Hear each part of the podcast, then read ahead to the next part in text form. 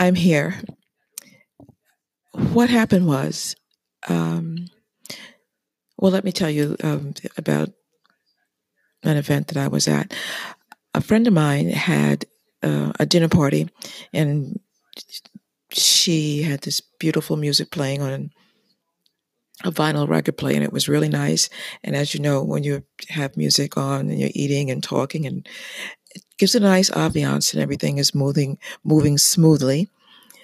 Um and then suddenly the record got stuck in a spot.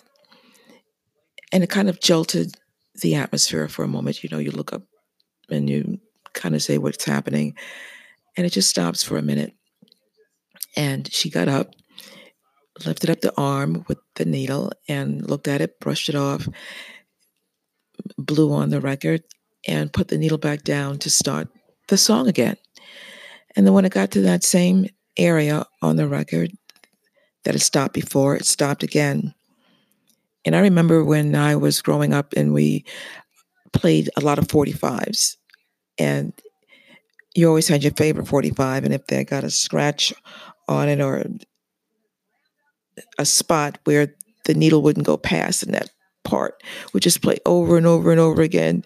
You would kind of say oh no and try to save it by weighting it down with something that would help it help the needle get past that hard spot or that groove that scratch or whatever it was that was holding it up and preventing the song from playing out the way you knew that it could be played.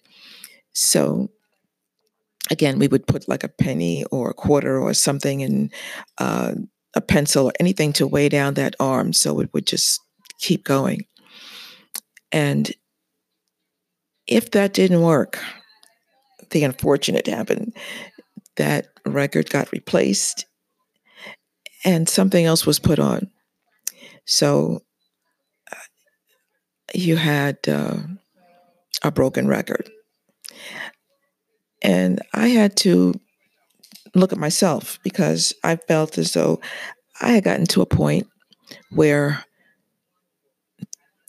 there was a scratch and I couldn't get past this certain area. And I didn't want to keep repeating and repeating. And what was I going to use or do to weight me down? to hold me down so I could get past that that point, that scratch and not become a broken record.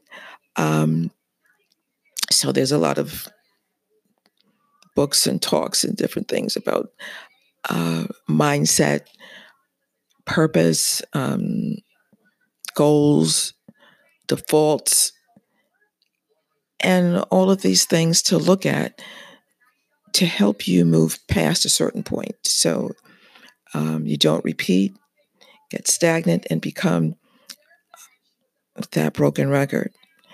So i am applying some of these things and more importantly uh weighting myself down with faith and uh perseverance